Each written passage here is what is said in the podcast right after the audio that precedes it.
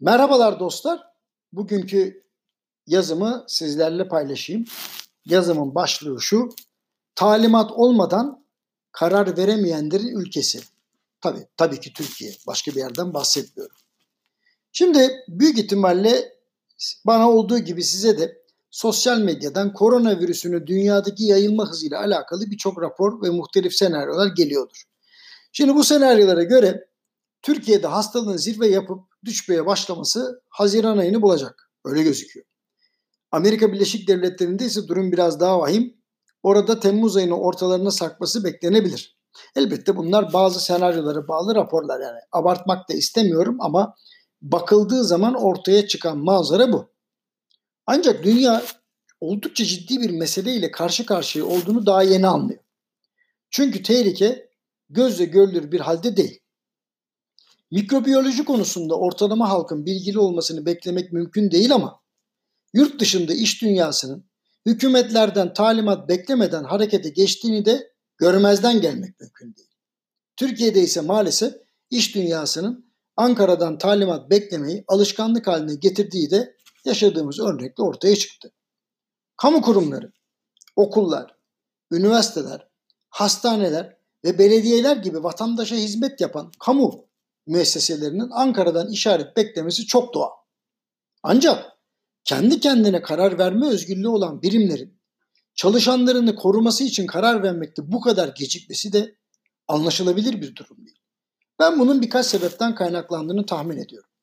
Öncelikle virüsün ne kadar tehlikeli olduğunu tam olarak kavrayamayanlar çok abartılıyor diyerek faaliyetlerine devam ediyorlar. Bir başka sebep de hijyen ve çevre standartlarına uymadan çalışmaya devam etmek istedikleri için bu standartları gereken seviyeye çekecek maliyeti üstlenmekten uzak duruyorlar. Dur diyene kadar devam edeceğiz diyorlar tabiatıyla. Kendilerine dur denmedikçe bu faaliyetlerinin meşru olduğunu düşünüyorlar. Nihayetinde Türkiye'de pek az firmanın iş durmasını finanse edecek güce ya da finansman olanağına sahip olması insan hayatını geri plana atan kararlara gerekçe hazırlamış gibi gözüküyor. Tüm bunları düşünürken yabancı kanalları izliyor ve raporları okumaya devam ediyorum. Amerika Birleşik Devletleri'nde bile birçok şirket hala faaliyetine devam ediyor. Buna rağmen işsizlik başvuruları uzun zamandır görülmemiş bir rekora imza attı. Son istatistikler milyonlarca Amerikalının işsizlik maaşına başvurduğunu gösteriyor. Amerikan Hazine Bakanı bu rakamlar anlamsız dedi ama sonraki cümleleri meselenin ciddiyetinin farkında olduğunu gösteriyordu.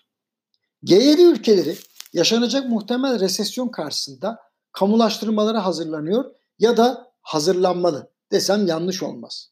Buna rağmen borsaların bazıları rally yapmaya devam ediyor. Bu durum sadece iş sahiplerinin değil, yatırımcıların da psikolojilerinin normal olmadığını gösteriyor. Herkesin sakinleştiği yer ya virüsün yayılmada zirve yapıp düşmeye başladığı nokta ya da herkesin yahu bundan da kötüsü olmaz dediği nokta olacak diye düşünüyorum. Ekonomik önlemler değil, sağlık ile ilgili haberler bence herkesi yatıştıracak. Yarın görüşmek üzere dostlar.